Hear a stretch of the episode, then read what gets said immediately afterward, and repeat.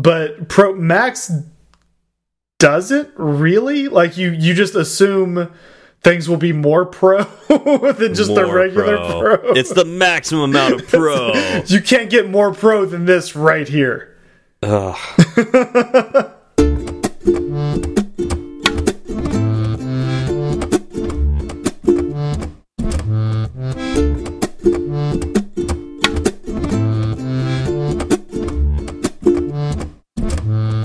What's up, y'all? I'm Zach. And I'm Steve, and this is Fireside Swift. How is it going, Steve? I'm doing just fine, Zach. How are you? I'm doing well. Uh, had a pretty pretty good week at work. Had some family in visiting throughout the week, so it was good to see them. Um, It's always fun. Can be Yeah, draining. no, I mean- can be draining, but a lot of fun though. it, it was it was a lot of fun. It was a lot of fun. Um, you know, it was one of those. It was just your regular run of the mill week. How about you? Nice. Well, uh, most of my week was generally pretty regular, which is still a little weird to me right now. But uh, getting getting more used to it. Uh, but uh, this week, uh, Rocky got a little sick, so earlier in the week, I had to take him to the vet. Um, he was uh, essentially. Um, how do I say this? Spewing on both ends. Uh, I think I think that's how you've phrased it in the past. Yes. Yeah, so uh, it was pretty gross. Um, I I don't know if he ate something or was just got like a little bit of a doggy flu or something, but uh, turns out he was fine. Like all the lab tests we did came out negative. Um, Good. So yeah, he just uh, wasn't feeling well, and uh, so he's on some meds to make his tummy feel better. But uh, he hasn't acted like he needed it. Um, So, but I I didn't want to risk it because he can't talk to me. I mean, he can. He can talk to me. I just don't understand him. You talk to him all the time. Oh yeah, he definitely It's a very that. one-sided relationship that you have. But when he's got a hurt tummy, you can't tell me that I'm. Oh, I'm feeling better now. Don't take me to the vet. yeah, no, I, I get it. Um, well, I'm happy to hear he's feeling okay. You got any big weekend plans? Uh, no, not this weekend. Um, I might end up doing a, a barbecue or something, but uh, depends on the weather. How about yourself? Nice. Yeah, no, I mean it's just kind of still cleaning up from the holidays. Like it's that has lasted. down. That has lasted so long. Like we'll do a little bit, and then something Mm-hmm. will come up, and then we'll do a little bit, and then something will come up. But we finally got it to where like all the decorations are down, they're packed up. They just need to be put in the attic. Right, it's like it's that final step, and because it is kind of all out of the house and into the garage, that so I don't Mm-hmm. really see it all the time. So it's not a big deal for me. Uh, but yeah, no, this weekend it's it's all going back up. yeah, that's a that's a kind of a monumentous uh, day for a lot of people. Like finally get all the Christmas stuff back in the attic, and now it's you go almost a full year before you see it again. Well, and the whole thing is like the whole time I'm doing it, I'm just thinking about all of the work I'm giving to future me to oh, yeah. do Oh yeah. because it's just uh, I'm like we could just leave it out all the time. It's fine. But it's so much nicer to have a clean It- area. it is, it is, um, Yeah. and it is kind of it's nice when it comes down and things feel a lot less cluttered. Hmm. Hmm. Well, you know what helps to not be cluttered is your code. Because if you have less cluttered code, that means you're going to be crashing less. But crashes can still happen, especially when you decide to be a little lazy and not clean up your code that quickly. Like if you clean it up only once a year, maybe you'll see some crashes during the year. Uh, and so that's why we would recommend you use Sentry. Uh, Sentry is an open source framework that you can add to your code base that will help you detect crashes when it inevitably happens uh, throughout the lifetime of your app. Because, you know, sometimes we don't clean things up like we should, right, Zach? I don't know what gave you that idea. I mean, if I, if I'm not cleaning up, you know, real life around me, you can be sure that I'm not cleaning up my code as much as I should. Um, and it, it's it's what happens, right? Your code base grows. The more code you write, the more chances there are for an error to to appear in your app. And if you have an error in your app and it crashes, you want to know about it as fast as possible to allow you to you know start in on a fix uh, app reviews take time they've gotten faster but it's still going to be like a day or maybe two, possibly even more, before you can get that uh, fix out onto the store for people to start downloading. So the faster and the sooner you know about a crash, the better off you're going to be. Yeah, and I mean, you could even have the the crash reporting come in from your beta testers and be able to see that as well. So you might be able to catch crashes before it even hits your normal user base, which is fantastic if you can do that. Um, but like I mentioned before, Sentry is free and easy to use. Um, it also has a bunch of premium features as well. Those do cost money, so we recommend you use our promo code Fireside Swift, all one word, Fireside Swift. That'll get you $100 off new accounts. So if you go to Sentry.io right now, you can get that discount. We'd like to thank Sentry again for sponsoring Fireside Swift. All right, so it seemed like there was a lot of Twitter activity. I was a little bit out of it this week because of dealing with Rocky and just like I think I'm dealing with some allergies as well. Uh, but I did notice my phone blowing up from time to time. um, what what was going on? What, what was happening, Zach? There was there was a lot that happened, um, and in fact, we actually this doesn't happen all the time, but we had to cut a couple of things from follow up just because we don't want this whole episode to be follow up. So let's go ahead and get started. Uh, we heard from Viridis Fructus. Uh, they said, "Great episode. Just after I've released two barcode slash QR code scan apps, one private called Rapid Rapid Sale. Uh, I love the many use cases mentioned in the podcast, inspiring for developers." Nice. nice. Yeah, well, I'm so. happy that you you know you got a lot out of it, and you know maybe we gave you a, a couple of ideas. You already have an app built, right? So maybe adding a little extra functionality won't be that bad. Yeah, right? yeah, uh, and you know, just want to say, you know, apologize ahead of time. Um, I didn't realize how much I would have to say about QR codes. Um, I mean, I knew how much I was going to say about Twilight Imperium, uh, which I, right. which is why I kept pushing it off, pushing it off, pushing it off, and then you know, I, I blame Zach for for the after show.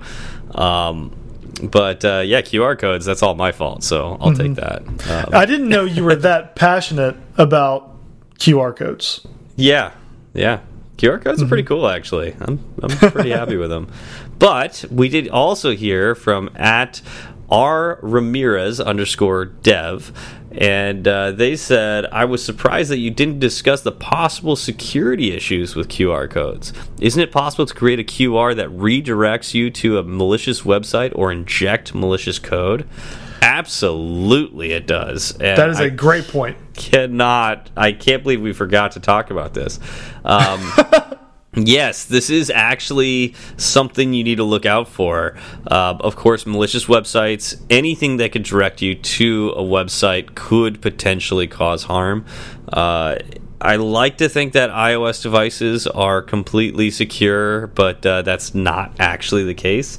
Uh, it's it's possible that uh, a bad actor could, uh, you know, put a QR code somewhere that takes you to potentially an exploit that I don't know about that can do something to your phone. So always be aware of that. Uh, yeah, that's just there's not. I mean, you could like let let Safari take care of that. There's not a whole lot you could do about malicious websites um, unless you just don't let people open websites with your QR code reader. That's something you could do. Yeah. Um, injecting malicious code that one seems a little harder to do, but um, if you are using the deep linking functionality, it is possible that if you don't secure it appropriately uh, yes, you could have somebody scan a QR code and it could potentially take them to a part of your app that they shouldn't have access to. Mm -hmm. Yeah, no, those those are all very good points. I think you know the it kind of comes down to think before you scan, right? Like yes. I want that on a T-shirt. Think before you scan with a QR code underneath it, and I haven't decided what that QR code is going to do yet, but um, have it do something that is it's like take it to a, a, a website that looks like it's installing the virus. There you go. Yeah, but I mean it's R Ramirez underscore dev. You make some very very good points. Absolutely. Uh, uh, we also heard from at Urbanization. Uh, he said, Thanks for the app shout out. I'm currently working on an update to make the app look a lot better. Support uh, support social media and conform to dark mode. Coming soon. Also, my app is free. there you go. So you don't have to pay anything. That was for the uh, the essentially the QR code is a business card or as your contact mm -hmm. info. Uh, That app, um, which I remember saying the name. Uh, I should have looked it up before we read this. Um, gonna go find it again. Talk sure, sec. go for it. I mean, it's cool that it's free. Uh, you know, you could have just started charging a couple bucks to yeah. That way we should. wouldn't be that way we wouldn't be liars. Yeah. Um, it wouldn't be for your personal gain. It's mainly for us to save face, right? Yes, so totally.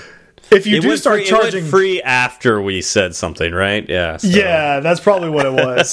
I mean, you could you could start charging with a clear conscience uh, and just say it's our fault if anyone asks. And the app name is QRDS. QRDS. Uh, just the the letters.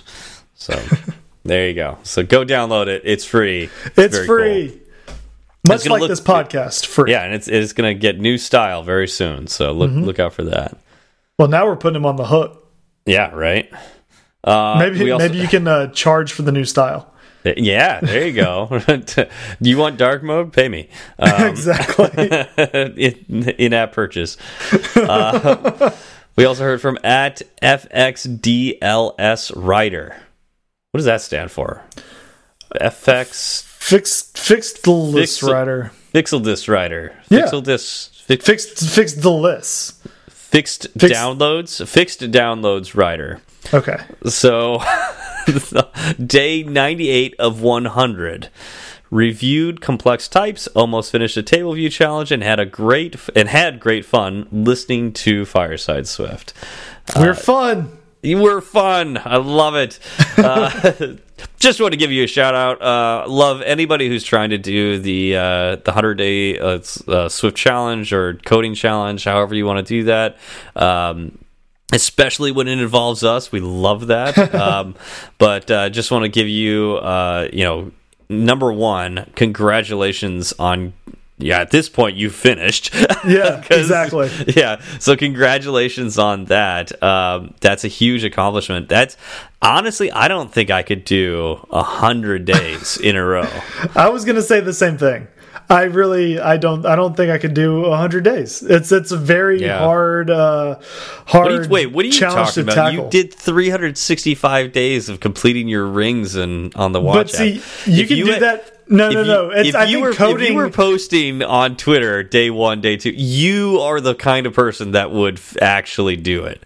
But it would be extremely difficult. Well, so is right. getting your rings every day for an entire See, year. It, that was actually easier. I think that was actually easier for me to do than it would be for me to do an hour's worth. It, it's of, not an hour. I don't think. I don't yeah, think no, it's is an it. A full hour. I think every that's day? what it's supposed to be. I yeah. thought it was. I thought it was just like spend at least a little time every day. Okay, now that you know it's an hour, what do you think? Oh, that's way harder. Yeah, exactly. Yeah, that's way harder. Because like so, there's those days when you just don't have time for that. Mm -hmm. Yeah. Right. Exactly. Wow. Yeah. No, I don't. I don't Good think job. I could. I don't think I could do it. So I'm impressed. I'm impressed with everybody who uh, is going through that. Yeah. Absolutely. Absolutely. Uh, we also heard from Geeky Dev Joe, and then Steve. I think this is mainly a question for you. Uh, why are all your episode episodes tagged as season one in your podcast feeds? If you don't have seasons, then don't include the season tag. I, fair point. That's a We're fair still point. in season one. I mean, just wait till you hear the the uh, the what's the the final episode, and then we go into season two. I mean, it's oh, gonna yeah, be a I mean, huge cliffhanger. This is this has been a warm up this entire yeah. time. Actually, we're not even in season one. This is just the trailer. This is the pre an extended extended trailer for what season one will be. Oh man! All right, so the real answer is we Oh, let's see. We started on Cast. That was our original podcast RSS feed, and it asked for a season number. So, of course, you know, our first few episodes throw in season one. Cool. And at one point, or a couple points, we're like, should we do a new season? Like, we asked it, I think to, Zach and I asked this to ourselves. We asked it um, after the first year, you know, should we go to season two? And we're like, nah, I want to keep going. then we got to 100 episodes and was like, should we change it now to season two? And nah, we'll leave it at season one. I kind of it's kind of neat to see like how many episodes we've ever done. Um, so in all reality, we should probably drop the season tag. Yeah. Um, honestly, I thought it was kind of required, so maybe maybe I could drop it. But now I don't want to go back to all of the episodes in the RSS feed and get rid of the season one tag because if it if for some reason like 114 episodes have or 113 episodes have the season 1 tag and then all the episodes afterwards don't have the season 1 tag what happens for those podcast uh, apps that care about season tags are they Yeah. going to change where your episodes are? Are they going to end up in a different order? And I don't want to ruin that. so, yeah, I think we're probably just going to leave it at season one until Until we decide arbitrarily to go to season two. yeah, it's gonna be some weird number, like two hundred sixteen. Yeah, Mm-hmm. talk us at good. two hundred sixteen. See if we're still in season one by then. yeah. uh, so yeah, hopefully that answers your question. And if it's really a problem, I'd love to hear like why is it a problem if you have a season tag and you know why you want it to not have a season tag. Well, I think the point is that it just uh, doesn't make sense, right? Like, No, it doesn't. and so Yeah. that's well, but except that we are in season one, or maybe I should have put season zero. You know, the first season. so, anyways, I I get what you're saying, Geeky Dev Joe. cool. Uh, we uh, finally we did hear from Heffertron. Um, and uh, Heffertron says that uh, how about a live podcast at this year's Hacking with Swift live conference in Bath? Paul. he didn't put the Paul there, but uh, yeah, It was implied. It was implied. There was, Um, an, there was an implied Paul. So Zach, should if if if if Paul Hudson asked us to do a live podcast recording at uh, Hacking with Swift Live, would we? Uh, would, would you be willing to do that?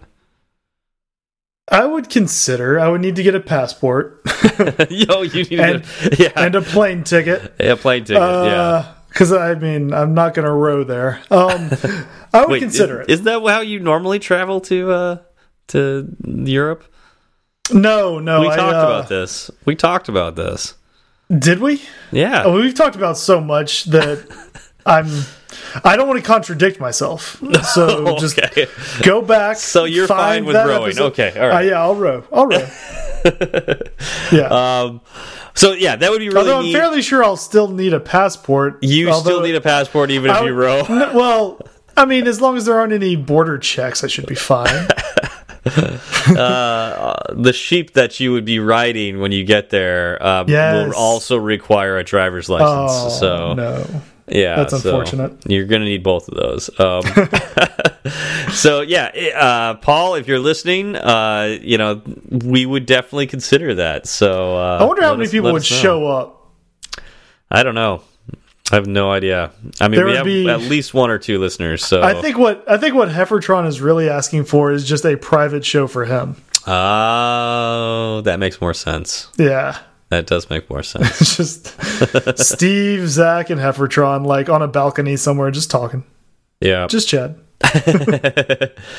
well, and, Heffertron, yeah, and Heffertron was actually the I think the only tweet I saw to mention that um, the audio issues that we had last week, and I'm going to anticipate this week as well. We're probably gonna have audio issues. Um, I'm gonna ask you right now, Zach. Have you heard any static on my line? No, I haven't heard a single crackle. All right, so maybe my mic's fixed. I did I did mess with the gain a little bit to see if that would fix it. Um, but last week, uh, something was wrong with my recording equipment, and there was nothing I could do. Uh, there was lots of static on my line. Literally, don't know what was causing it. Uh, but I did order a new microphone, so um, I did. I had a gift card for Amazon, so I was able to cut the cost down a little bit. Nice. um, yeah. So hopefully uh, that won't be a problem in the future. So it was time to upgrade, anyways. There you go. I mean, these have been hanging around for a while now. Yeah, yeah. I mean, the Blue Yetis are pretty good, but uh, I don't know. I'm thinking about uh, upping the game a little bit. So Ooh. Yeah. Well, I, I can't wait to hear you. yeah, Yeah. Should be good. All right. So, Zach, So, Steve, don't you wish when you say things like how, how when you normally travel to England, you do so by rowboat? Mm-hmm. Don't you wish you could just, you know, go back in time and change that? oh, are you are you asking me if if I had a big magic rewind button, could I go back and and uh, fix decisions I've made? Yeah, fix things be- I've said. I would Yeah, love would- that. Would, wouldn't that be nice? I mean, obviously you can't do that, uh, but you can change what you say in the future. However, right? Um, are you presupposing that what I have said in the future has already been said, and that time is just a large infinite loop?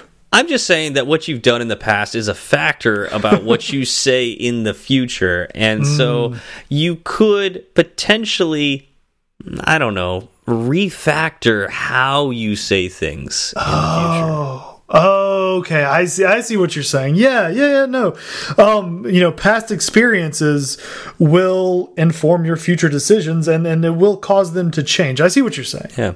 Yeah, it's al- almost like you're programming yourself to uh, act in the future, and uh, you can change that programming. Would you ref reef reef act? Is that what you were going to say? You can refact that. True. Did you know that you can also do that in code? you know, I had heard about this, but I don't believe it. Have you never done this? I've never done this. No, Oh, this is going to be an.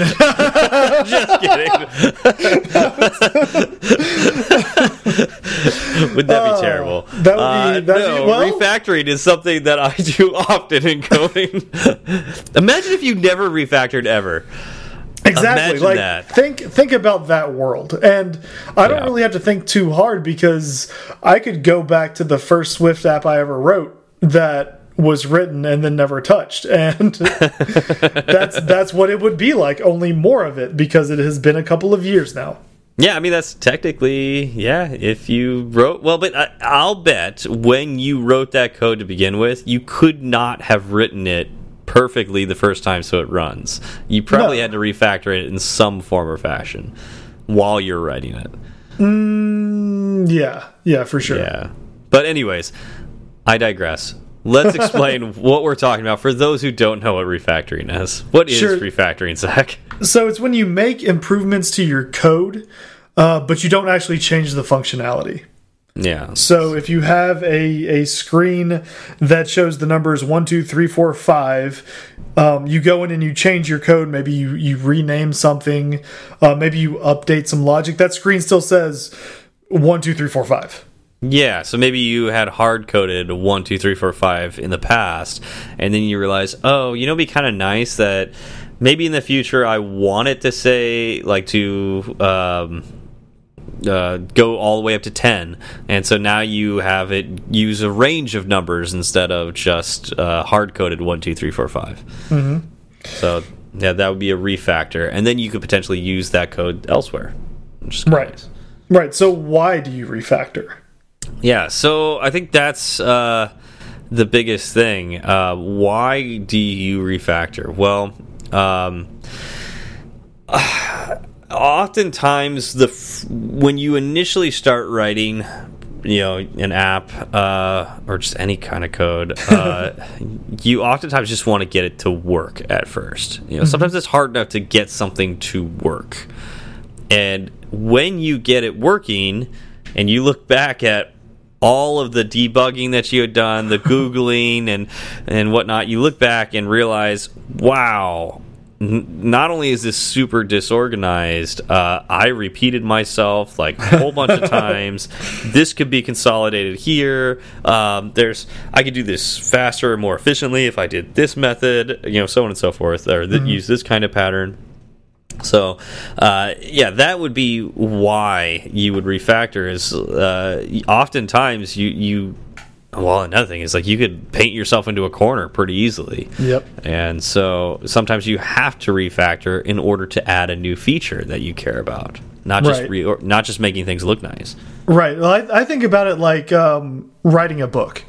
If I were going to sit down to write a book, I wouldn't go like chapter one, blah blah blah blah blah. I type it all out and then think, okay, that's perfect. I'm never Yeah. revisiting this ever again, right? Yeah. By the time you finish writing that book, your notions of what you wanted to have in that book have changed, most likely, right? Um, you need to go in and kind of fix some of the holes that were left. It's the same thing with code. Uh, when I'm, you know, my first table view I ever wrote, there was code everywhere, right? Yeah. And there was there was just weird if. Do you remember my my pyramid of doom? Oh yeah. Like that was one Oh, of the yeah. first things we ever talked about. Yeah. I had if lets. I was unwrapping like a bunch of optionals with if lets. There was like seven the different levels of in, uh, indentation. Oh yeah. And uh, yeah, no, it was it was really bad. I actually I did. I went back and I refactored it to use guard statements, and it looked a lot cleaner, and it was Mm-hmm. easier to understand. Oh yeah, yeah. I remember one of the no, it was literally the first app I put on the App Store. I remember being so proud that I thought I followed uh, Model View Controller really well. I thought um, this is how I learned how to code. I know I followed it, and you know everything works great. And I mean, it worked great. I mean, it was. Um, I, I tested the crap out of it, and so like it actually was very functional and, and did everything it was supposed to do. Um, but then I went to draw an object diagram for my friend who was going to uh, write the Android version and put it on the uh, the Play Store, and uh, that's when I realized that I was referencing things I really shouldn't have, and uh, it was not Model View Controller at all. It was spaghetti code that was that worked really well because because uh, I tested every edge case. Mm-hmm. Yeah, no, it's uh, it's all connected, right? It was very connected. yeah. yeah, uh, sub views were referencing their controllers, and, and uh, oh, it was bad. It was really bad, and so I definitely had to refactor that uh, to continue working on it. Right. So I would say, you know, one of the reasons you refactor is to clean up your code, make it more understandable. Um, another reason is because you've learned more than you knew when you started out when you were writing an app, right? There, there has been an app idea that I've had that I've started writing, I think, three times now, Okay. just completely from scratch. And each time I, I start out writing it, I do it differently Okay. like and not even it's not like small tweaks. It's like entire objects are completely different and i've moved things in different places and each time i write it i i kind of compare what i had before to what i have now and i feel like what i have now is better because it's more concise. And if i had someone else come in and look at it they're more likely to be able to understand and work on it uh, alongside me. Um and like that that is also i guess you can kind of look at that as a refactor right? It's just a whole cloth. It's more of a rewrite right? But it's it's kind of a refactor in that i'm basing it all off of old code. But if it basically does the same functionality, and just written in a different way, that is actually a refactor. Yeah i mean that falls under the definition right? Yeah, I mean, but like I would consider it that. Like sometimes you do have to just tear it all down and rewrite it in order to truly refactor because it was poor, so poorly written the first time. um, yeah, but uh, you know, I, I think this kind of gets into you know how do you refactor? Um, because you know if you if you do have like a major idea and you figure out a new way to do it sometimes the how is to tear it down and write it from scratch again right yeah well i mean and again that depends on the case uh, Yes. if you have a 50000 line app and uh, you want to you know refactor a view controller you definitely don't want to tear you don't down. you don't want to tear that whole thing down um what i have found is that i use the rename function a lot in xcode. Hmm. uh that that actually gets me a lot of the way there. Um because Yeah. i i've learned that when i write variables and function names the first time they're actually really poor because i'm thinking about it in a fairly narrow scope. Like i want a function to do this thing and so i will name it in a way that makes sense at the time. Um, and then i'll go back and i'll look at it and i'll think well i could actually make that name be more broad and more generic Mm-hmm. because this function, you know, if I put it in the context of what I was working on, yes, it does that, but it can also do these other things as well. Yeah, now that's actually a common thing for me as well. Now, I didn't used to use the rename um, refactoring tool in Xcode all that often because it used to not work very well. oh, I actually, I actually used this. I used it this week, and uh, something that I found out. I used it. It was Thursday. It was Thursday. Um, we have. Uh, we have one like central core object in our app that basically is used on every view controller. Okay, Um, sounds like this is going to be a nightmare. Keep going. and I we had a bunch of names in there that I wrote when I first got to the company that I'm at, Uh-huh, and uh-huh. again, it was domain knowledge, right? When I wrote the names, when I named the stuff at the time, the it made sense to me given my domain knowledge. Now I have a deeper understanding Yeah. of what I'm doing, and so I was able to update the names so they made more sense to what they actually were. Um, but it was maybe ten variables and three functions Okay. Used the rename tool. It worked great for the app. It did not work in the tests. Oh, going from pro yeah from from yeah. target to target, Target it didn't pick it up. And I I didn't run the tests uh, on my lo machine locally before I submitted the PR because we have uh, a Jenkins job that runs all the tests, and so it's just not kind of anything we do. So I I submitted the PR and we have it uh, integrated with Slack, and I get a Slack message like, "Oh, your test failed." And I thought, well, that's that's a little weird. It's not unheard of. Sometimes Jenkins Sure. can get a little fuzzy. So I went in and looked at it, and it was like, you know, a hundred failing tests, and I was like, wait, what? what, what happened? what did I do? I Yeah. ran the app. The app ran fine. Why are all the tests failing? And then I opened it up, and it was just this ocean of red, uh, and it was Yeah. all all renaming. Luckily, I could do uh, find and replace Hmm. in those test files, and that saved me a lot of time. But um, it was definitely like my heart froze for a solid five seconds, just in, in sheer terror of what I had done. Well, that actually leads me to what I was going to say next. I'm really glad uh, th that's a great segue into this. Uh, See, that's how you do it, Steve. No, no. That's not how I do it. That's how you do it, and you did a great Okay. job. I'm just giving you a compliment. Thank you. You should also give me compliments for my great job with com with with segues. And when you have one, I will. Okay. um, but uh, yeah, so tests tests can really help you uh, refactor uh, because, like you found out there, Zach, uh, that uh, you know i in this case you refactor, but you forgot to refactor all your code. Yep. Um, it also could happen that you refactor and it turns out that something you thought was going to work actually doesn't after the refactor. You thought mm-hmm. you were going to have the same functionality, but you actually don't. And that's why having tests is awesome mm-hmm. because uh, it could catch when you fail at refactoring. Mm-hmm. Yeah, Also, especially it- yeah. oh. It- so I was just gonna say it provides that safety net. You know. Yeah. Especially if you're refactoring some logic. Um, again, I remember a, time when uh, I had to return a what was it? It was a timestamp, I believe, but it could be nil. And it could be one of seven different timestamps we get from the back end based on the state of an object, right? And my code, uh, when I first wrote it, was you know if state equals this, if state equals this, and you know Yeah. return blah blah blah. Sure. But you know if the state was in uh, in one position, we needed to return. Um, we could possibly return three different times Okay.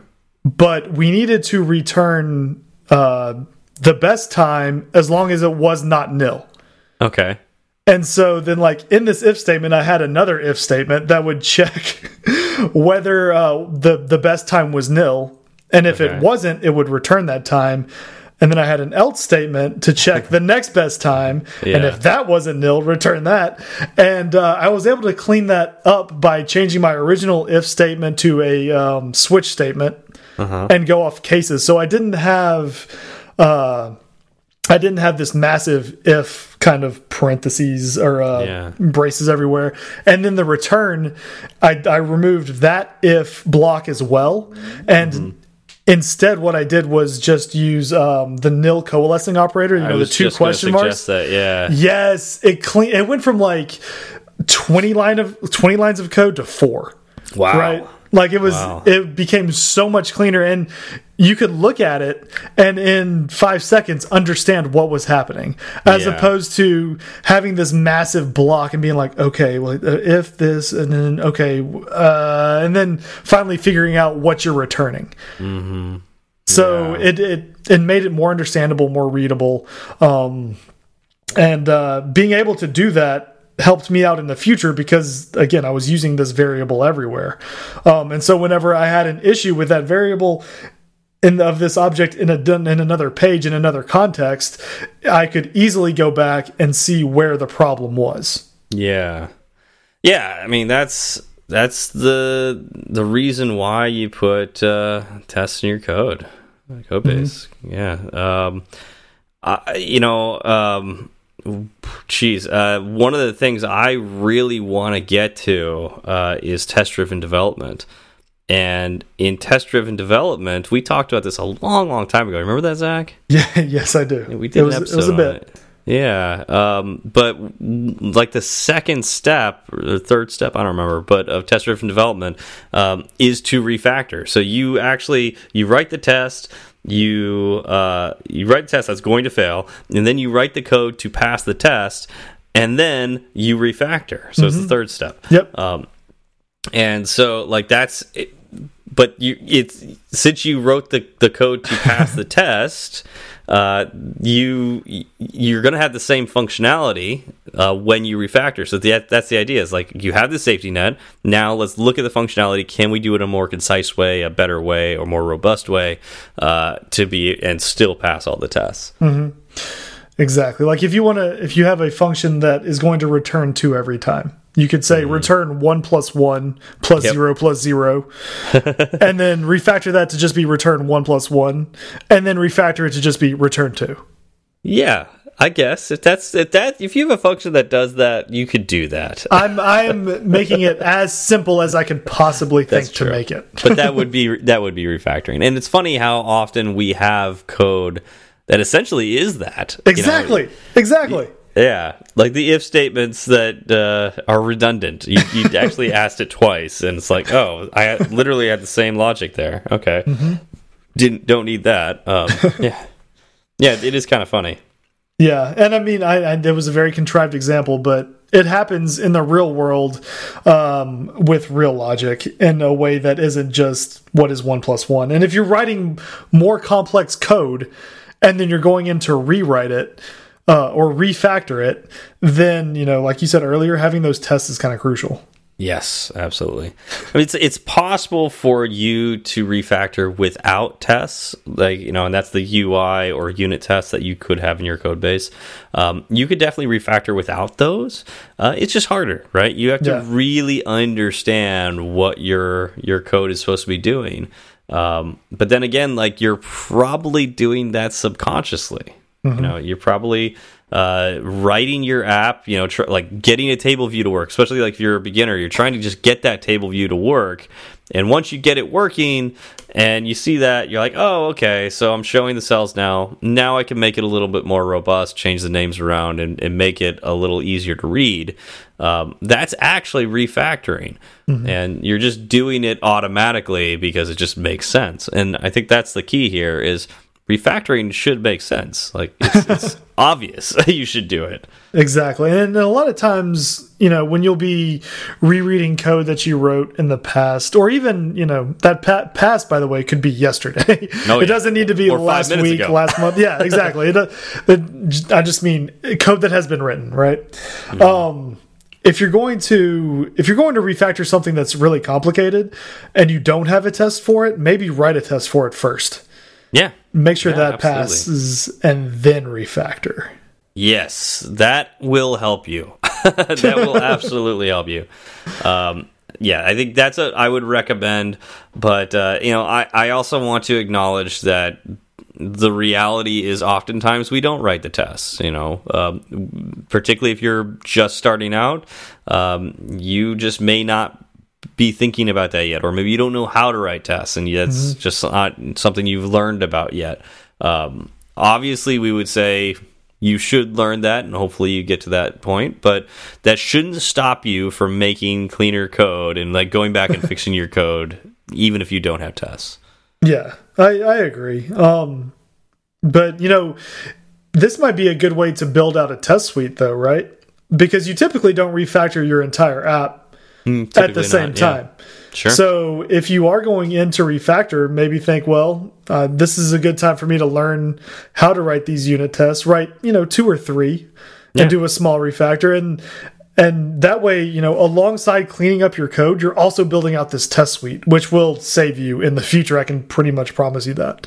Well, one one of the interesting things is if you don't know how to write tests, you might have to refactor your code so you can write tests. that is so true. That's, that's actually what, something I did this week.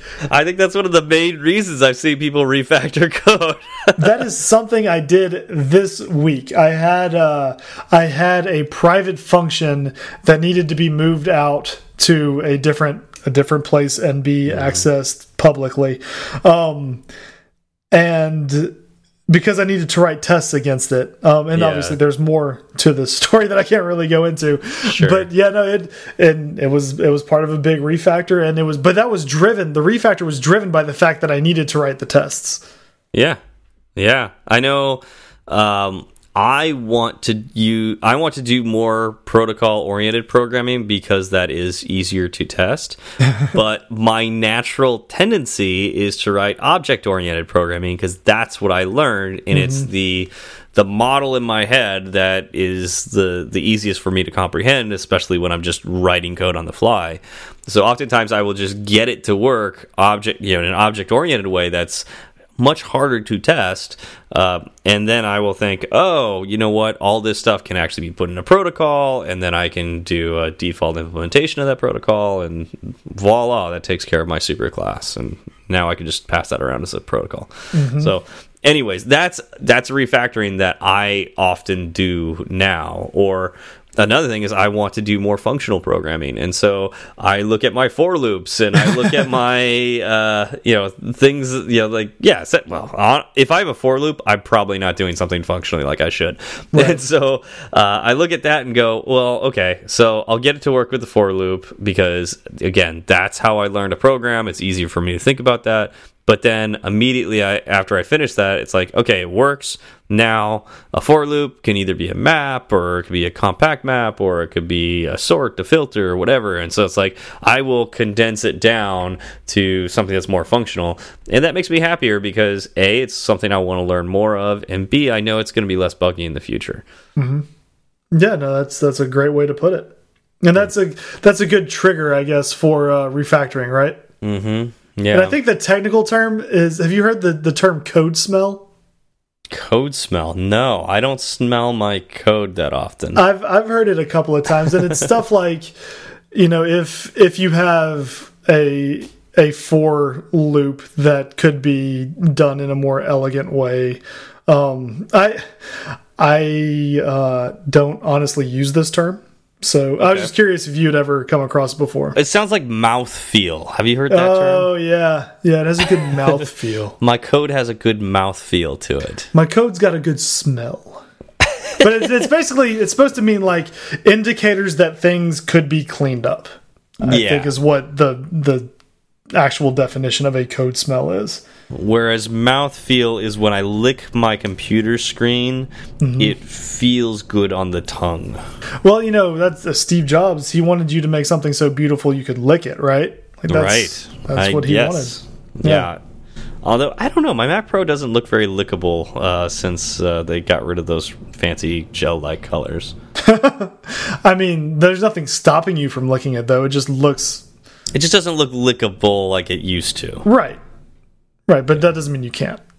Correct. Yes. I, I still do. I, am not saying I don't. I definitely lick it every day, but you know, every day. Okay, every day. I mean, well, every day I write code, which is just about every day. So is that how you is that how you like you boot it up?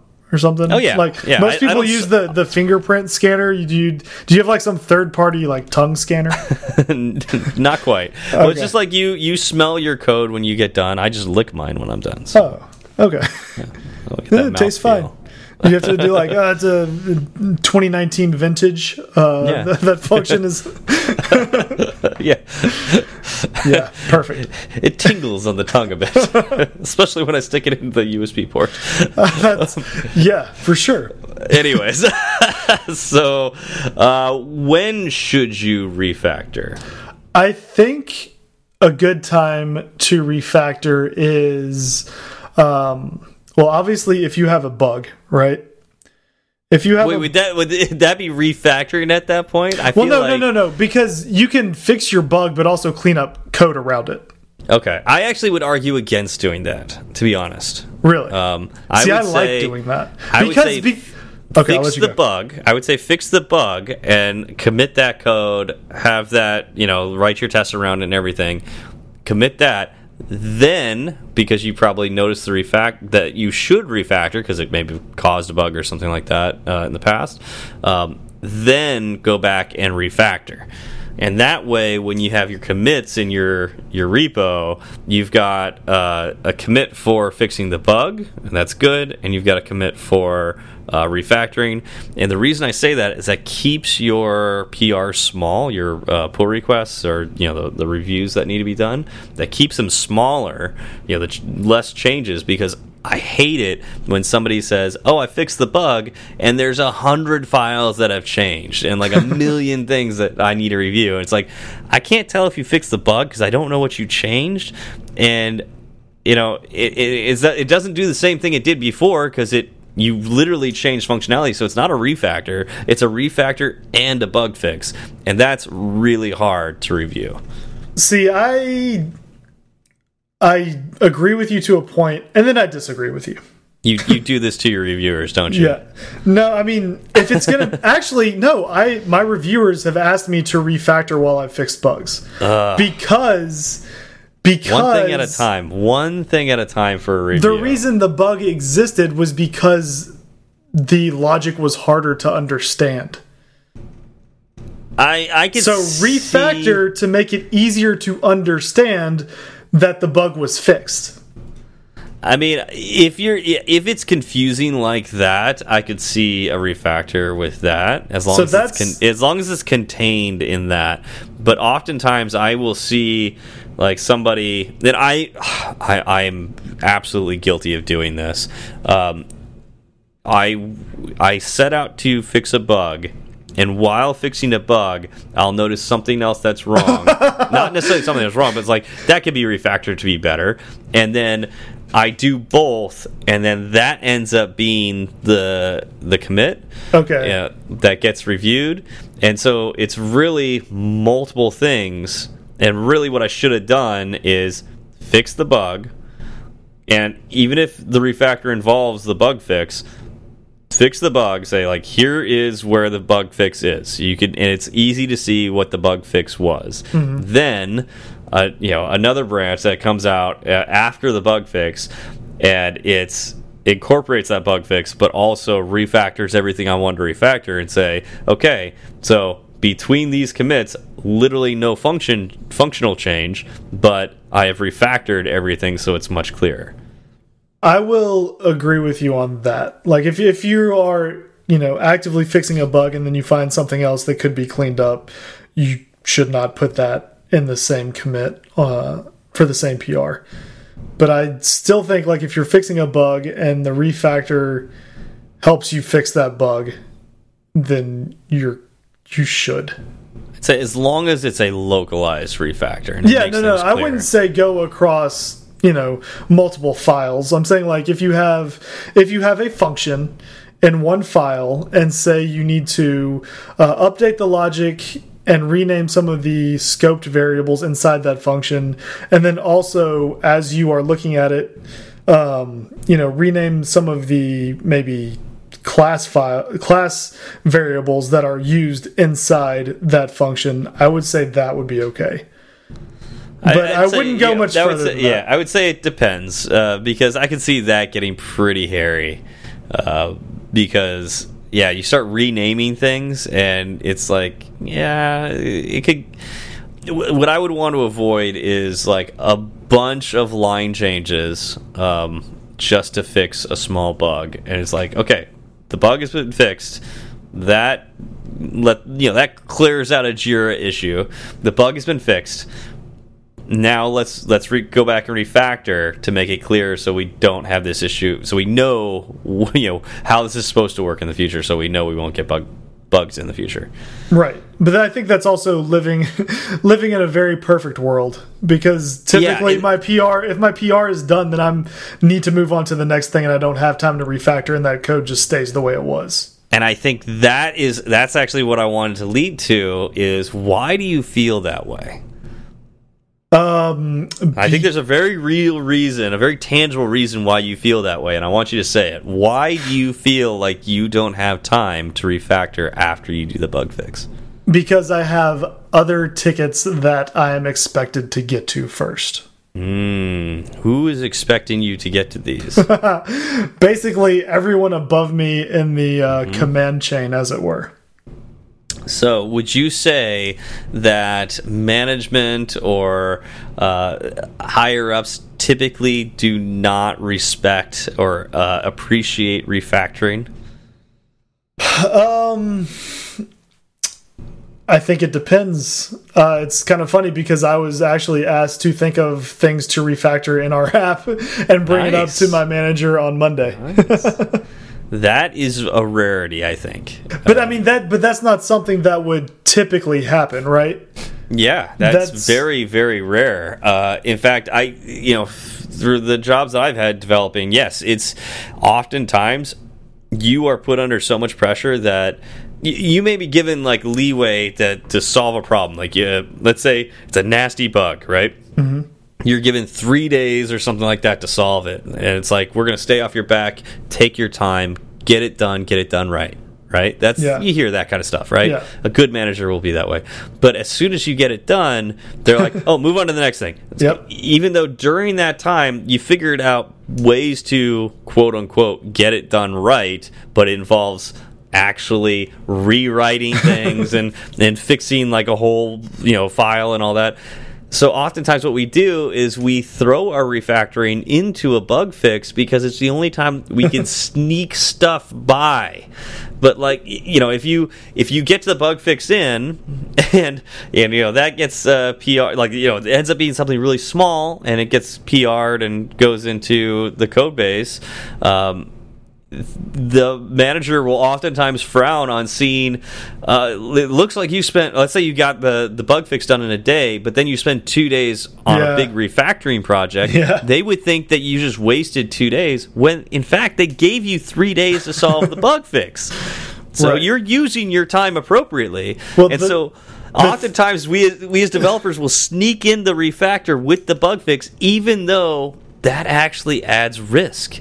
Like right. I said, it makes it much harder to review that bug fix. Well, the three days in in their mind, and I'm lucky that I don't really deal with this that much. Yeah. Uh, the three days is the ceiling, right? That's the last yeah. day. That doesn't mean you yeah. can't get it done before then.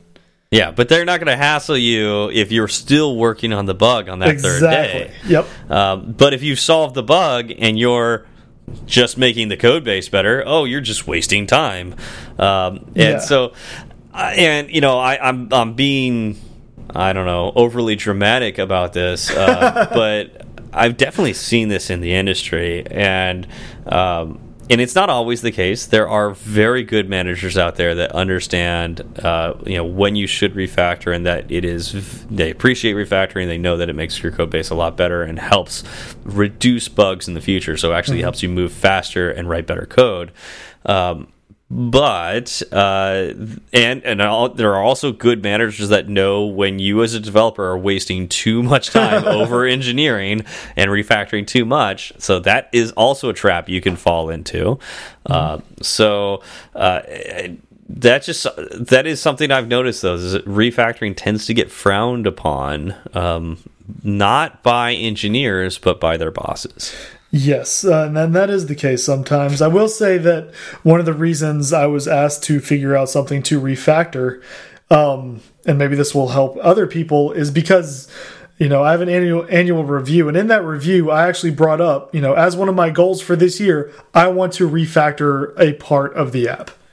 Huh. Like So- I, I made yeah. it, I made it a priority, right? But really, I feel like I mean that's good that you did that. Congratulations that you, you picked a, a good thing to do. Um, but uh, honestly, I think it should be your manager telling you that you know we should be refactoring and like actually put the onus on you instead of you having to tell them that that's what you wanted to do. And well, I, they agree. They believe that we should be refactoring, but we have parts of the app that need so much refactoring that working it in to, uh, I guess, a quarterly plan, right, Yeah, would be difficult. yeah, Um, and I, and again, I work somewhere where I think sixty to seventy percent of the company are developers. The CEO is a developer. Um, You know, they they understand refactoring, and they, for the most part, know that it's needed. Um, but it's it's hard to think. You know, when we have these other targets that we need to move forward on, it's I can understand how it'd be hard to think that refactoring actually gets you there when personally I do believe that it does, right? Because mm-hmm. if you're refactoring code that means that you get future code done more quickly and you mm-hmm. get future code done with less bugs, then Yep. you're you're hitting those targets still. Yeah, yeah. You know, I, I do. I found it interesting, like looking back uh, over the years that I worked at um, my last job, and I I wrote several apps in that time, and um, oftentimes I wouldn't be able to go back to. I, I felt like I wouldn't have the time to be able to go back to the old code and, and fix it. But it, it's really interesting to see like the progression of certain things as I got better at coding. Um, you know, as a better, you know, became a better iOS developer. There were things that I was doing in later apps that I wish I could implement in my older apps, and uh, it would have made those older apps better. But Right. uh, never got a chance to do that. So what what is your threshold for refactoring, right? Like when do you do you just instinctively know you're looking at code and you're like, okay, well this there's a new way to do this. There this can be better. Or are there times when you've been kind of on the fence and you you think you may know a better way to do it, but you're not sure? Do you still refactor in that case? Uh, I, uh, I, I'm probably a bad example of this because, uh, you know, I I feel like it's it's a for people who, who generally stick with one app, and I did kind of have this with my last job, where there's really one app that did stick with me for several years, and that we iterated on and added new updates to. But we were also a a very very small team for a lot a lot of that time. It was mainly just me. um, but uh, so and we also had about eight apps. So i really didn't have time to go back and refactor like i'd want to. So what would be my threshold? It had to be a pretty darn good reason. Like a new framework came out that makes everything better. And you know it's it's it's there's a you know performance issues or something like that then it's time to refactor into that new framework or something of that nature Okay. um And so you basically you looked at it and you knew it needed to be done kind of immediately. Um, Well, that- yeah. Oftentimes, it's, uh, and when I'm thinking of refactoring instead of bug fixing, I think it doesn't need to be done immediately, but maybe there's no Well, not- not- real need. Not done immediately, but like you looked at the code and you knew like that it could be refactored. Like you should be refactoring it. Not that I mean, you needed, often, yeah, not that you needed to do it immediately. yeah. o- Oftentimes, it was yeah because. uh Oh, it's just it's old, right? Like Yeah. it'd been quite a while since I looked at the code, and maybe a new uh, Swift version came out, and so we're not taking advantage of of the newer language or something of that nature. Yeah. Um, here's a here's a question for you. Uh, do you think that that would be different for newer iOS devs? Hmm. Because I think that I learned quite a bit when I did re start refactoring. Right. Oh yeah, because Yeah. that's when you know I look at a piece of code I wrote and I think I think I know a way to make this better, but I'm not sure. Uh, let me take some time and see if I if I can actually achieve those results. Yeah, actually, I think that's the best way. You know, that's like an open ended, like looking at a section of code and saying, all right, I don't know if this can be better, but I'm going to take a look at it and see if I can make it better. I think that's when the best results actually appear. Mm -hmm. um, and uh, I think that if you run a software, you know, development shop, uh, whether that's a big company, small company, or whatever, uh, I feel like a good engineering manager will require their engineers to spend you know you know some number of hours a week or maybe even a day uh, just focused on refactoring mm -hmm. in that sense like an open-ended refactor where it's like you look at a section of code and say i'll bet you this could be better and just spend time with that puzzle seeing if you can make it more efficient yeah um, I think that would be amazing, and I think you would see amazing results out of that. Not spending the entire day on refactoring, not like ninety percent of your time refactoring or anything like that, but um, but spending a portion of your day or a portion of your week focused on refactoring, mm -hmm. uh, I think would yield huge dividends to the company that does that. So what? Let Let's kind of start wrap, wrapping this up because we've gone for yep. a little bit. Uh, yeah. What pitfalls do you see with refactoring? Like, what issues have you well, had the, with refactoring? The, the, easiest pitfall, the absolute easiest pitfall is um, it's just like tuto that uh, tutorial. Um, oh, not syndrome, but like the the tutorial uh, hell that we yeah that we talked yeah. about before. Um, I think you can get into that with refactoring, where you spend all of your time refactoring. Mm -hmm. And so um, you just over engineer the crap out of your app. Like you just think, oh, well, we might need this in the future and it's not generic enough. And, you know, like you start adding like way, way too much. Mm -hmm. And uh, you overthink it. And so your refactoring, instead of simplifying things, actually makes things worse. You stole and my answer. Yeah. That's what my answer was going to be is just over engineering, right? Because Absolutely. Sometimes you just want to add bells and whistles and frills and mm -hmm. be like I I learned this cool new thing and you know, no one else really knows it. Like that's something else that can be a problem with refactoring, right? If you mm -hmm. refactor it so it's easier for you to understand but harder for everyone else in your company to understand. Oh yeah. Mm, maybe not a good well, good plus plan. if you're if you're refactoring just because the new hotness came out out, you're like, oh, well, the new Swift version came out and it's got this new thing and it's so great. We've got to add it in. Got to have it in right away. And so you stop further, you know, future yeah. development and you you focus on this new thing and it turns out it's not as reliable as you thought it was mm. and, you know, or something of that nature. Sign and, in with Apple.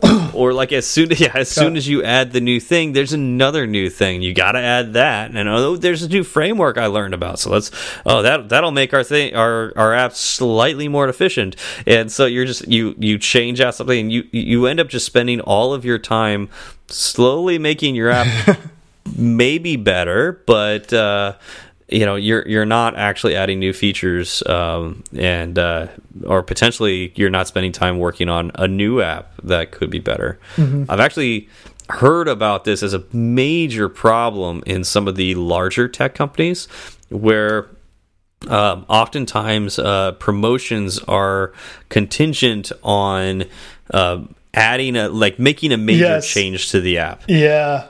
And so oftentimes that's like a major refactor or like a you know implementing a new framework that everybody ends up required to use or something like that. So like there's this big focus on refactoring, but the reality is like it just changed the way you did something not made it better or not anything else but it was just so somebody could get a a, a, a promotion or, or right. whatnot. Was the work you did valuable? Yeah. And um, so I, I, think those are the major pitfalls i see. What, I you, agree. do you have any other ones? So my mine is kind of geared more towards uh kind of newer developers. I know I mm-hmm. ran into this before, you know, before you really learn about um, Git and branching and writing mm -hmm. tests, you can refactor and break something, right? Yep. Um, if you don't have tests there to catch it and you don't have a, a branch to fall back on because you're just writing code, right? Yeah, yeah. You could very well like just really mangle some code in an attempt to refactor and then not really be able to get back to where you were.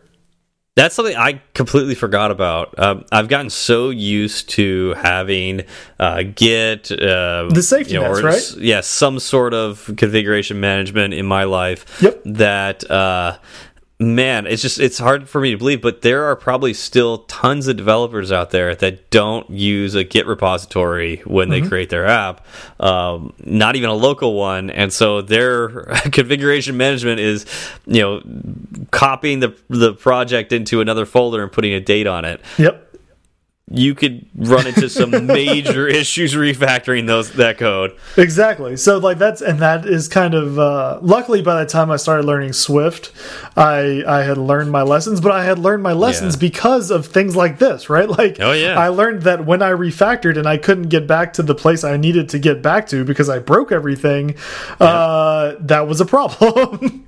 yeah. Yeah, that's absolutely true. Um, can, yeah, Command Z. you can only Command Z so much. Only so much, and it doesn't work if uh, Xcode crashes in the middle of that. yeah, in fact, that could make things even worse. Yep. So, yeah, so be very, very careful with that. All right, so um, I thought this was going to be a shorter episode, and we had a lot to say about this. Apparently, so we, we usually um, do. yeah, these these more open ended ones are actually probably worse. Uh, I think we should probably cut it off, even though I'm sure we've got more to say about this. Yes, I, I agree. Let's let's go ahead and close it down.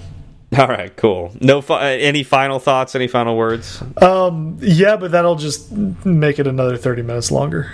All right, cool. Refactoring's good. Do it when you can. All right, uh, perfect. Uh, yes. let's uh, let's dive into shoutouts because we actually have five new shout outs. So yeah. either the uh, aggregator waited a little while and then just gave us a bunch, or uh, uh, just a bunch of you just listened to that uh, episode we were like, we needed you to test this. So who knows? anyway. Um, uh, Zach, you want to kick us off? Yeah, sure. So the first one is by uh, Dylan McC underscore iOS. Uh, this was on January 5th. The title is Great iOS Podcast.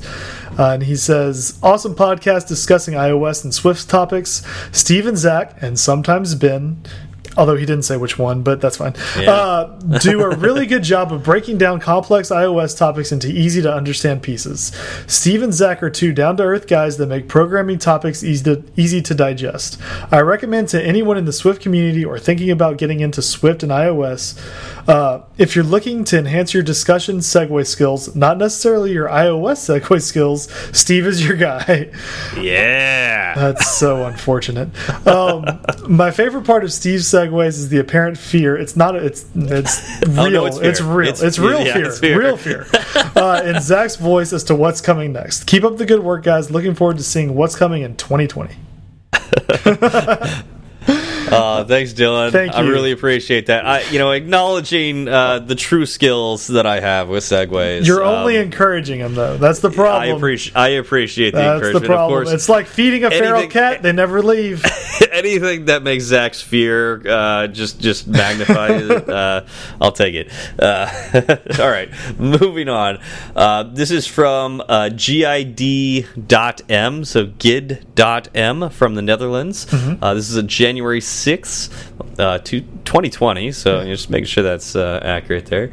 Amazing podcast guys. I don't know if that's amazing podcast. There's no comma there. Maybe it should be amazing podcast guys, like he's talking to us, or or she, he or she is talking to us, or maybe we we are think, the amazing podcast. I think guys. we are the amazing podcast guys. All right, cool. I'll take it. Hi, Zach and Steve. I love this podcast. It's amazing. There's a lot of exclamation points this these first three sentences. So. I know it's wonderful. Yeah, there's like there's one exclamation point for every star in the review. There's a grand total of six exclamation oh, there's points. an extra there. one. And this review is not because you asked for it to test the aggregator. Definitely not that. I will send you guys an email to let you know I sent the review. Uh, I don't have Twitter, so we'll keep an eye out for that. Do we get an email? I don't remember if I noticed that. Um, Maybe. Um, but uh, keep it up.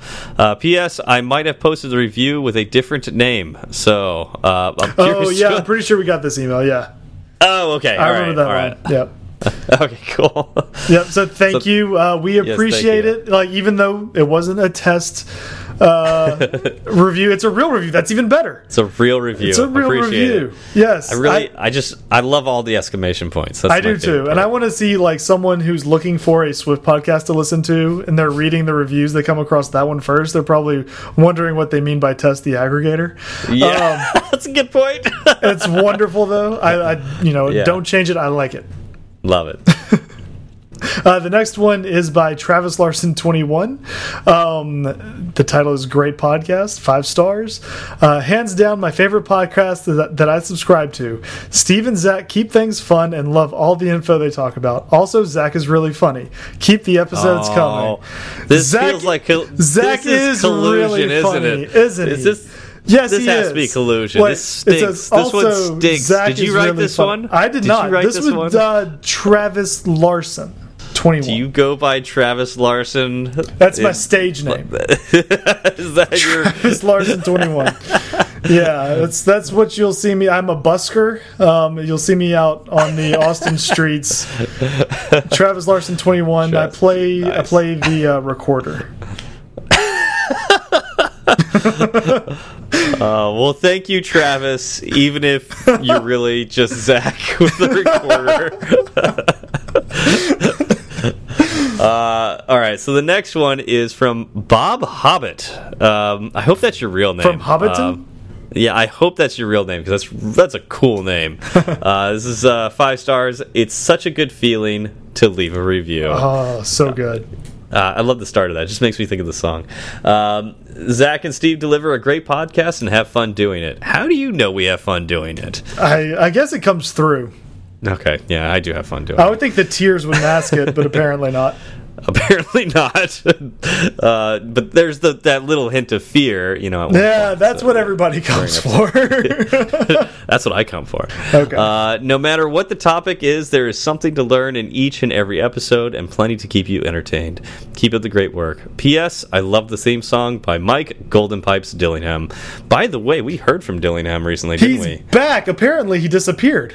He disappeared. He didn't respond to my Twitter message that I sent him, so uh, I was afraid that he disappeared for good. Yeah, he's back. so- He's back. He said so- he's going to be in the audience next week, which I'm wondering what audience is he talking about. Well, hopefully he's listening to this so he can hear what you know how many people love him. Yes, Um, and that's what I told him. I said, you know, we're getting a lot of reviews saying people really enjoy the the song. You need to Yeah. be a part of this.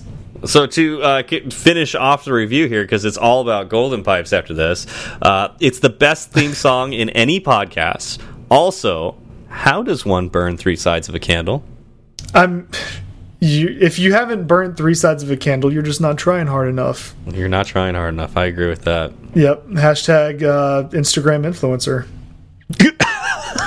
you're just not trying hard enough. Yeah. yeah, this last one, Zach. Sure, uh, this is maybe the best. This is from Scranton Boy, January twentieth, January uh, January tenth. Uh, the title: Testing the review aggregator. Uh, the review will change to five stars later. Yeah, it's one star. oh, this and it's not from Scranton. It's from Scranton Boy. Scranton so Boy. Scranton Boy. Scranton we Boy. Get, want to get the name right because we're looking at you, Scranton Boy. when are you going to change this to five stars? This is not five stars now. You got Steve so worried right now. So worried. we got it. Thank you. the review It works. The aggregator's but now we get to see whether that, that update to five star works. So Yeah, you know, so you we're gotta, curious. We're gonna be, we're gonna be watching closely for that one. It's a quarter case. You got to check it. Yeah. yeah, because the aggregator was only grabbing the five star reviews. That's what it was doing. yeah. Uh, but no, this is a successful test. We're also getting the one star reviews. I guess we should check two, three, and four. Is, Yeah. No. That's no, we don't need to. It's just, just five stars from here on out. okay. That's I got you. I got I'm not you. even gonna read the one stars anymore. I may. All right. Uh, thank you, everyone, and thank you, Scranton Boy. Funny review. Uh, appreciate it. Uh, and it looks like the aggregator's working again. Um, mm -hmm. And so, yeah, hopefully we don't have any hiccups in the future. Uh, so I think just one or two fell through the cracks in the past, and maybe there was just a delay with some of these. So who knows? That's what it looks like to me. So I think I think we're back on the right path, um, and uh, we get to shout everybody out that I wanted to. Yeah, yep, that's great. Uh, do we have any announcements? Uh, uh, just want to remind everybody about Sean Allen's um, take home project course that he he's doing. Um, you know, if you're looking for a job, this is one of the ways that a lot of companies go through the hiring process.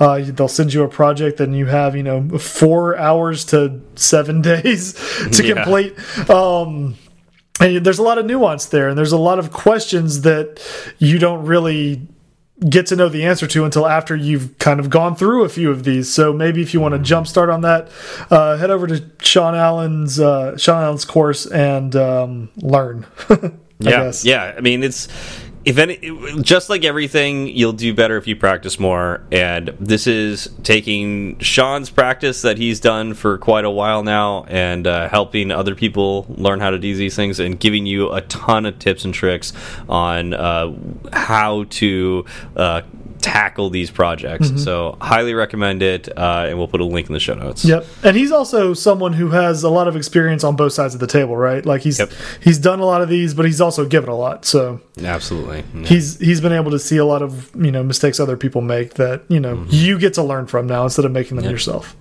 Yep. Uh, finally, we want to talk about hacking with Swift Live, as Heffertron pointed out earlier in the show. Uh, Paul Hudson is doing his conference again. It's back. It's uh, July 13th and 14th in Bath, England.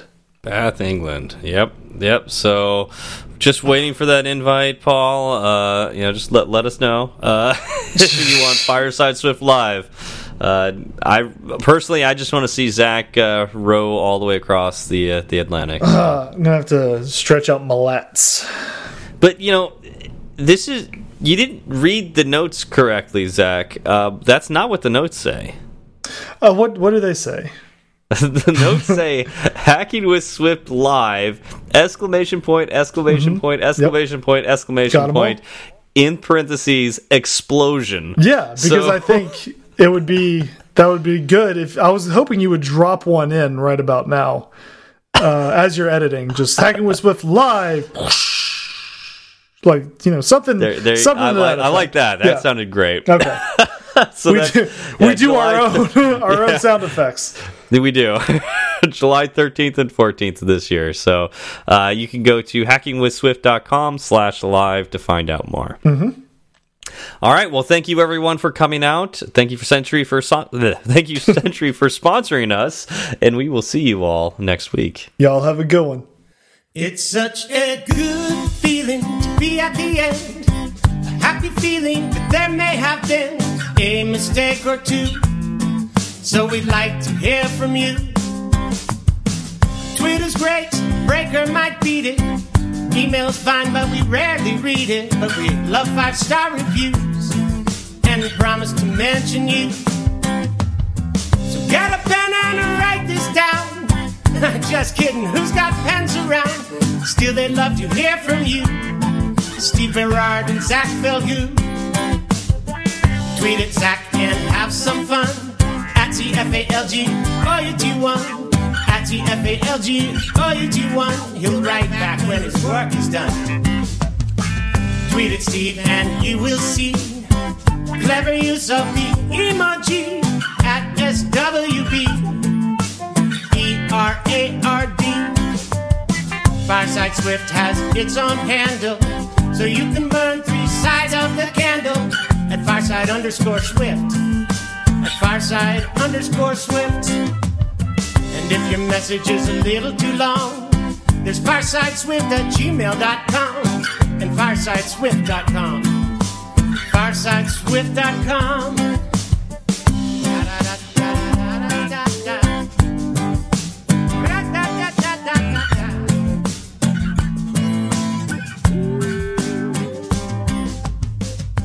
have you ever tried one of those escape room in a box?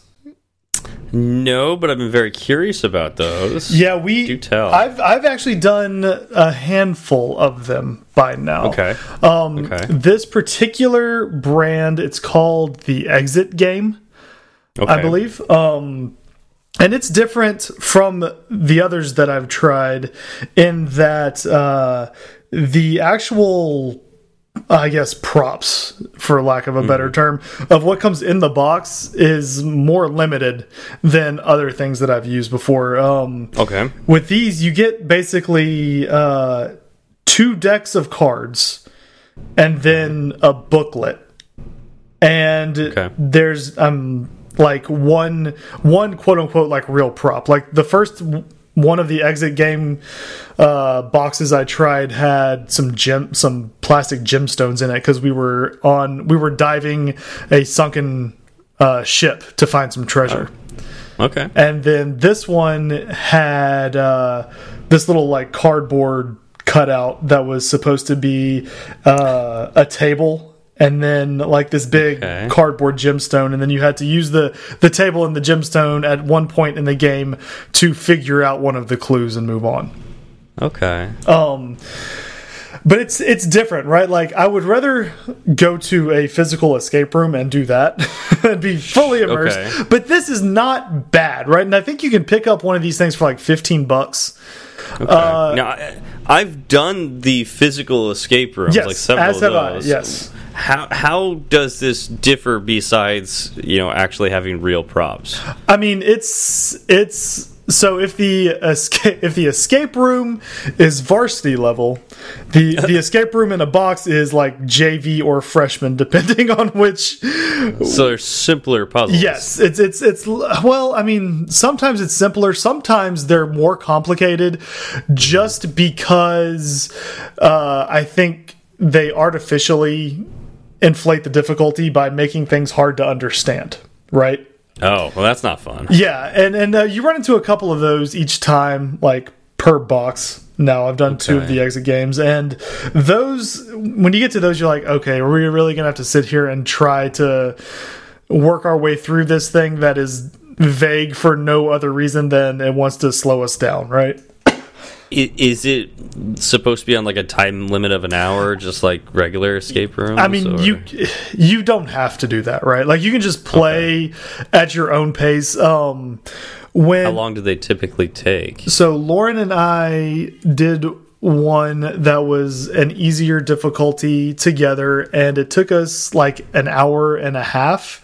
Uh, but that's also taking care of the girls in between, right? Like we would Sure. we would start playing, and then one of the girls would come out and need something. We would go take care of that, and then we would get Yeah. back to playing. So Yeah. it's and it's not. It's it's just a bunch of puzzles, right? It's a bunch of puzzles in a Sure. box. The one That's fun. that we did uh last night no wednesday night um with lauren her sister and her sister's husband uh that one was an expert difficulty level and it took all four of us two and a half hours oh wow. um but it was also again the girls were coming out and lucy was Sure. crawling around and chewing things and so that that adds a level of difficulty yeah, no, that's just that's the real life part of it. yeah, yeah. Um, so I mean, it, it depends, right? And there are some that you could probably fly through pretty quickly. Uh, I know that I've had another brand. I think it took us like forty minutes, which at that point you feel good that you're like, oh, I'm- just kind of blew through that. That's nice. Uh, but at the same time, you're like, I wish it kind of took a little bit longer. Yeah, you're like, I, but I just blew through that. I was expecting it to take a little longer, and now we got to figure out something to do for the next hour and a half. Right. And I will say that the expert level difficulty box that we did was with four people was more enjoyable than the Hmm. easier box we did with two people. Okay. Um now That makes sense. doing it with more people also has uh different intricacies involved, right? Because what happens is you open up the booklet and well uh, let me let me let me just start with the deck deck of two decks of cards right so you have Uh-huh. Okay. a hint deck and a riddle deck I guess you have Okay. three decks of cards. You have a hint deck, a riddle deck, and then um, a solution deck. Okay. Um, the riddle deck has the letters A through Z, all 25 of them. Uh, did you? Please tell me you got that reference. Yeah, Okay. I got that. Yeah, Then why weren't you laughing? It was hilarious. Um, because it because it wasn't that funny. it was hilarious. Uh, A through Z. Um, now the the hint deck uh, has groups of cards, and they are set apart based on a symbol on the back of the cards. Right. Okay. So it'll be like, you know, there'll be three cards with a square on the back, three cards with a triangle, three cards with an X, whatever. And kind of the idea is that when you're on Puzzle Square, you can look at one of those hint cards. Exactly. You really need to, and that like lowers your score for the whole Yes. puzzle. Yes, that's it. Okay. Um, and then the solution deck has a number of cards, uh, and they have numbers one through. The first game we did had one through like 24. The second game had one through 28. Okay. Um, and then you also get this dial with with three spinners on it, right? And Okay. each wedge of this dial corresponds to one of the puzzles in the booklet. And they each have a symbol on the top, right? Yep. So Yeah. you're like, okay, I'm on puzzle square. I look at this wedge, and then the dials on the the spinner have numbers on them, and so you will line up like three, two, one. And when you do that, there's a little window on the innermost dial that will uh, show a number. And then you go to the solution deck and you find that number. And then you, you pull that number out, and it could have an X on the back saying, you know, this is wrong, incorrect, try again. Or it could have uh, another card, and that card will show, it'll say, where do you see the symbol for this puzzle in the booklet? um and they all all the pictures line up to another numbered card in the solution deck uh and so then you go and find that numbered card and that one can also say whether you got it you got it wrong or right Okay. right?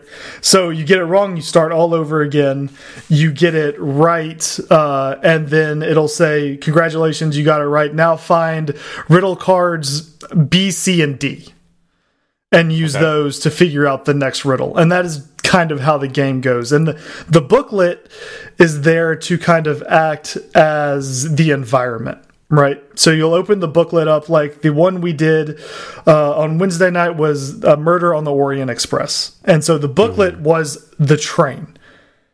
Okay. and it had different cabins in it. And so you had to see like there were eight people who could have been the murderer. And you had to look into each of these cabins to find clues and make your decision at the end on you know who you suspected. Okay. um overall they are fun. Um and it's it's a great way to get like that escape game experience without uh you know dropping all of the money uh, yeah, they're expensive. And I agree. it's also the scheduling can be hard, right? Because you actually have Yeah. to get to a place, uh, as opposed Yep. to saying, you know, I can Babysitter. do this. I can do this at my house, and if people are Yeah. at my house, you can just pull it out. Now, something that is interesting about them is you can only do them once, that. Uh, yeah, I was gonna say that. which is like any other escape game, right? Like you don't want to do, you don't want to go to an escape room that you've already done because you already. Yeah, know it. But you'll fly through it. yeah. with uh so the the two exit games um those you actually kind of destroyed some of the uh some of the components of the game like you would cut them up like you would cut up the Oh, cards or rip pages out of the booklet to do different things um and so they That's too bad because that means you can't give it to somebody else so they can enjoy it. Exactly. Now there are other games that you can actually quote unquote reset, right? Like you put Yeah. all of the all of the props back where they went in the first place Yeah. and you seal it all up again and you can actually hand it off and let other Yeah. Mm-hmm. people enjoy it too. So you can do that with some of them, just not this brand. Gotcha. Um, you know, if if it is something, I think it'd be something good just to have around the house, right? Like Lauren got me these Mm-hmm. for Christmas, and we've already we've already gone through both of them, uh, and it was kind of Yeah. cool when um, her sister and her husband and her sister's husband, sorry, was here. Uh, we could just pull it out and have Yeah. an escape game, right? yeah. um, and they enjoyed it too. And It's it's one of those things that's different. You know, it's not like you're Mm-hmm. sitting down to play your thousandth game of Monopoly or your fifth game of Mecatol Rex. yeah. yeah. yeah. roughly equivalent. Yeah, same thing. Um, and so you know, I'm actually a big fan of them. Know if you do go out and pick one of these up, it's not going to be a one to one comparison with what you're going to get Sure, that's what I was expecting. at, a, at an escape game. But it is, I mean, there are some things that are clever, and you do get the same kind of feeling of accomplishment as you move through it. Up until again, like every now and then, you just hit some that don't make sense, and uh, we tried not to look at the hint cards. I think we only looked at two. Um, on the last one, and then some of the times you look at them, and They don't actually they help. don't help. Like you're like, okay, I've already done this. Um, and that Yeah. the, the rules actually say like if you look at a hint card and it tells you stuff you already know, that doesn't count as you getting a hint. okay, Um, interesting. so yeah, that that happens kind of often. And uh, the bottom, the last card in the set for the puzzles in the hint deck. So if you're if you're doing the square puzzle and you go through like the three hints, the the bottom card of that little pile for the square puzzle Yeah. is a solution. So they will Oh. actually Wow. give it to you if you get too stuck. Um, Gotcha. we- so you can get through the game. yeah, you can get you can get through the game, right? And there's a whole there's like a scoring system on the back. Like if you do it Sure. in this amount of time with this many hint cards, you get this many stars, and it's all. Mm-hmm. I mean, it's it's like mm, it's all made up. The points don't matter, kind Yeah. of thing. Yeah, Um, totally. but it's it's fun. yeah. It's fun. Like if it's if an escape room uh scenario is something you enjoy doing, you will most likely enjoy doing this. Um That's yeah. That sounds interesting. it is it is fun probably more fun with more people but doing it with less people it also it's a little more intimate and you know escape rooms you don't really want to go with just two people uh, that would No, that would you make it really difficult want more people. So- yeah, because there's usually too many puzzles for just two people. exactly so if you're looking for something where you know it's just you and one other person then these kind of fit the bill pretty well Yeah. Yeah. Um, so yeah, no, I actually like I need to go out and get more just to have just in case, you know, if we ever feel like doing it, we can we can bust one of them out. So I'm a I'm a big fan of them. So along those same lines, may I recommend Sherlock Holmes Consulting Detective? Sure. have I have I told you about this? I I think you've brought it up before, but I don't know if you've actually told me about it. Okay, so I have one. Yeah, I've got one copy of Sherlock Holmes Consulting Detective. Um, I've got the Jack the Ripper um, one, so it's like the sequel to the original Sherlock Holmes Consulting Detective. Um, it is in the board game genre, but it's as much of a board game as what you just described. Right.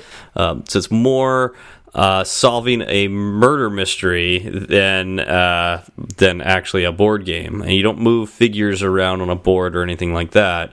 Um, it starts with a case, and you you know usually it's you're hanging out with Sherlock Holmes, and uh, you overhear something, and and you know you go set out to solve the murder Mm. you know, at the same time that Sherlock Holmes goes out and solves the murder, but you you do it in parallel. So you're trying are you trying to beat Sherlock to the answer? Is that- Exactly. nice. Yes, your goal is to beat Sherlock. Now, you probably won't. Right. it's, yeah. it's Sherlock Holmes. There's a reason why he's, Sherlock Holmes. he's uh-huh. legendary. Yeah, so you're probably going to lose, but you get to compare yourself to Sherlock Holmes at the end. So it's like number one, solve the murder mystery. Like that's kind of fun just doing that, like saying like we got the right answers. Sweet. Um, that's great. And then you compare yourselves like, well, we had to talk to like way more people than he did, and I guess this is like, well, we could have done better, but we did solve this side murder mystery too, so we got some extra points out of that. Uh, not too bad. Um, anyways, um, so the way the game works is uh, so you get that that case and it gives you the case starts off with like you get a few clues of where you might want to start and then you basically have a map of london and a directory of everybody in london. And uh, last uh, the last thing piece you have is like the newspaper of the day. And you look through those and determine what location in london you're going to go to next and when you say, okay, we're going to go to that location, you write that down on a sheet of paper. We're going to go to this location. That's the next turn we're going to take, essentially. And then you go, you open up this book and you turn to the address that you're trying to go to. and if there's an entry there, you get to read like that. There might be a clue mm-hmm. there that leads you to the next next phase. There's not anything, you just wasted a turn. You just basically walked somewhere where there isn't anything, uh, nothing of importance. Um, but uh, in general, like you just uh, you go to these different locations and you read conflicting sides of the story. uh, you, you, yeah, you just start going down rabbit holes that uh, were, you know didn't actually mean anything to the case, but you, they seemed like they would, but they really weren't. They're red herrings. Um, but yeah, so it's like you, it's really neat because you really have no idea how this, you know, how to solve this this mystery at the beginning, and it, you know, it you could do it with one person, you could do it with six people. Everybody's you know talking, trying to figure out what to do next. Um, and uh, yeah, it's basically very similar to what you're talking about. And like, you decide when it's over, though. Yeah. Like, so it's not like getting through a series of puzzles, and once you finish the last puzzle, you're done and you stop the clock. It's more like, well, I think we know the answers. And then once you're done, you look at the back of the book, and uh, last page upside down is a series of questions. And uh, you you read those questions and you write down your answers to them. And so it's like when you decide to stop, you read like there's usually like six to eight questions. You write down your answers to that. Uh, and then once you've written down your answers, there's an envelope that has the answers to them. And so you, I'm trying to remember the order. I think you, I think once you read the the questions and you answer them, then you turn the page and then you read essentially the end of the story. So like Sherlock Holmes telling you what the answers were. Right. Um, but then once you've read that, you open the envelope and pull out the real like the the basic answers, not like the story driven answers. And it tells you it has like the answer and the points associated with it. Um, and so then you could determine like we actually got this right or we didn't get this right. Or what's funny is like the last time I played um, the mystery that we got, uh, there was one thing that we uh, uh, one of our players f- had us go to like this gun shop and we figured out like that uh this guy did sell this air pistol to somebody and we're like oh this is okay so this is great like we should obviously that was important but you know can't really figure out but um that a piece of that ended up being part of a question Oh, and we totally forgot that. and so, like, we thought it was something else, and we were very confident that uh, we had the answer to that. And as soon as uh, we read the uh, the story part, and Sherlock Holmes introduces the part of why you would go to this one location. Um, which again was just like really brilliant of this other player to think for us to go to this location. I'm tr I'm trying not to give Right, away yeah, like yeah. A, a case here, uh, but it was really brilliant that this this uh, other player that we had suggested we go to this location because I would I didn't think we should. Um, well, and as soon as Sherlock Holmes introduces the character from that location, we went, "Oh, we sh of course that's the answer to that question. Why didn't we change?" And so we we yeah, even though we knew the answer to a question based based on our evidence that we had found.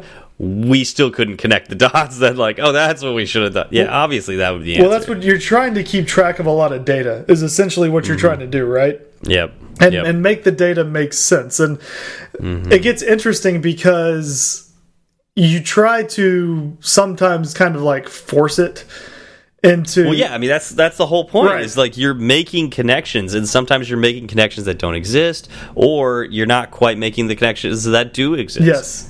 Yeah, and then sometimes you get really like f laser focused and tunnel visioned on like this has to be the thing that happened.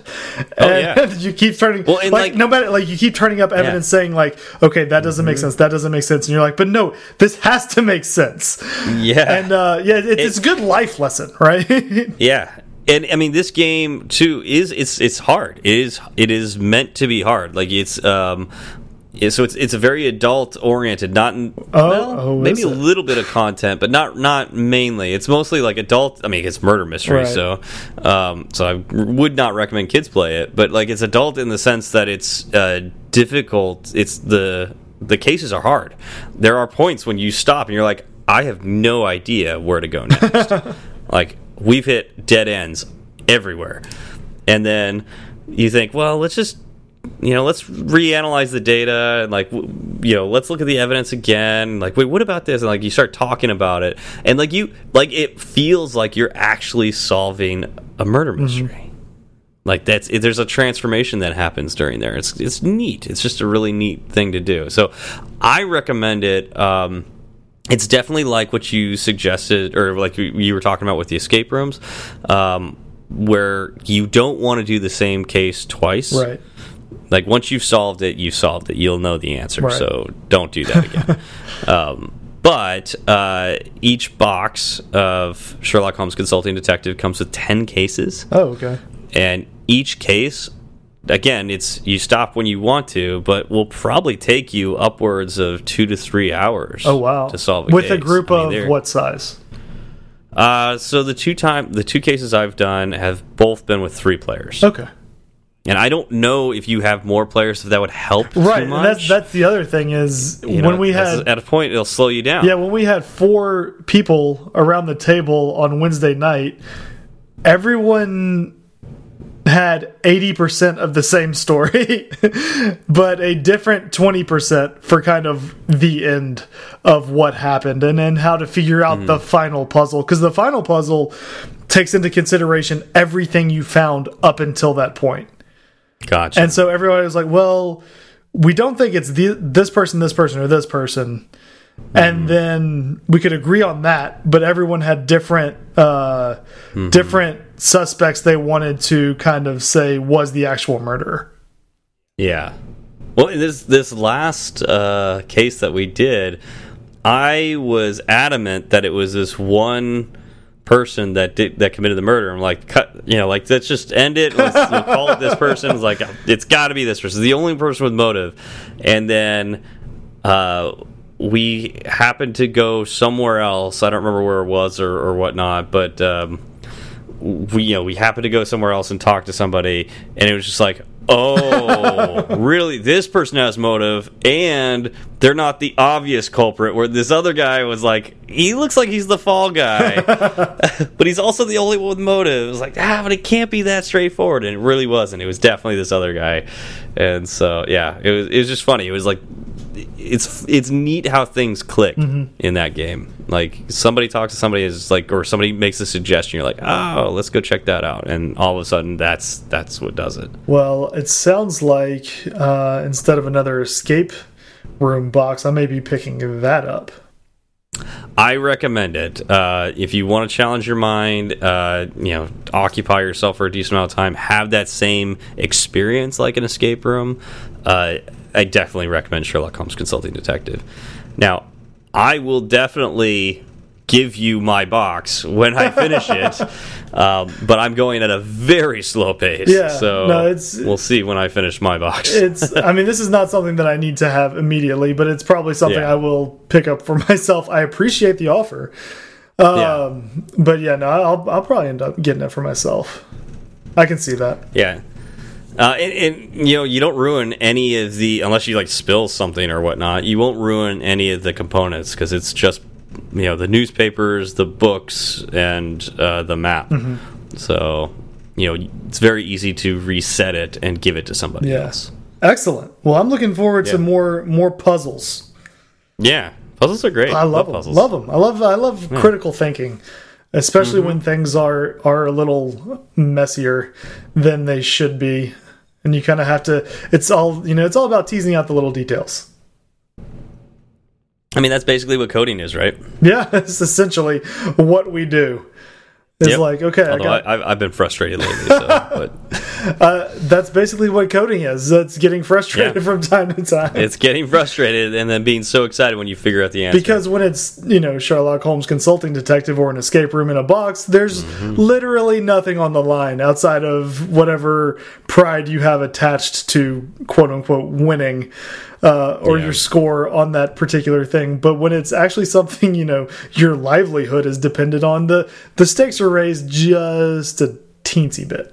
Well, it's not even that. Like, what if you're just working on a side project and it's like not something that your you know income or anything like that is on the line with, but there are limitless ways of solving the problem. you know, Yeah. like there's like that's different too. It's like you decide when you yeah, it's you, like you decide when you solve the puzzle. but how well do you want to solve that puzzle? It's okay. You'll have all of the Sherlock Holmeses in the reviews telling you how well There you, you did. Yes, that's how it works. One star, you fail. Ding. That's for that's for Mr. Mc- McSwiftface.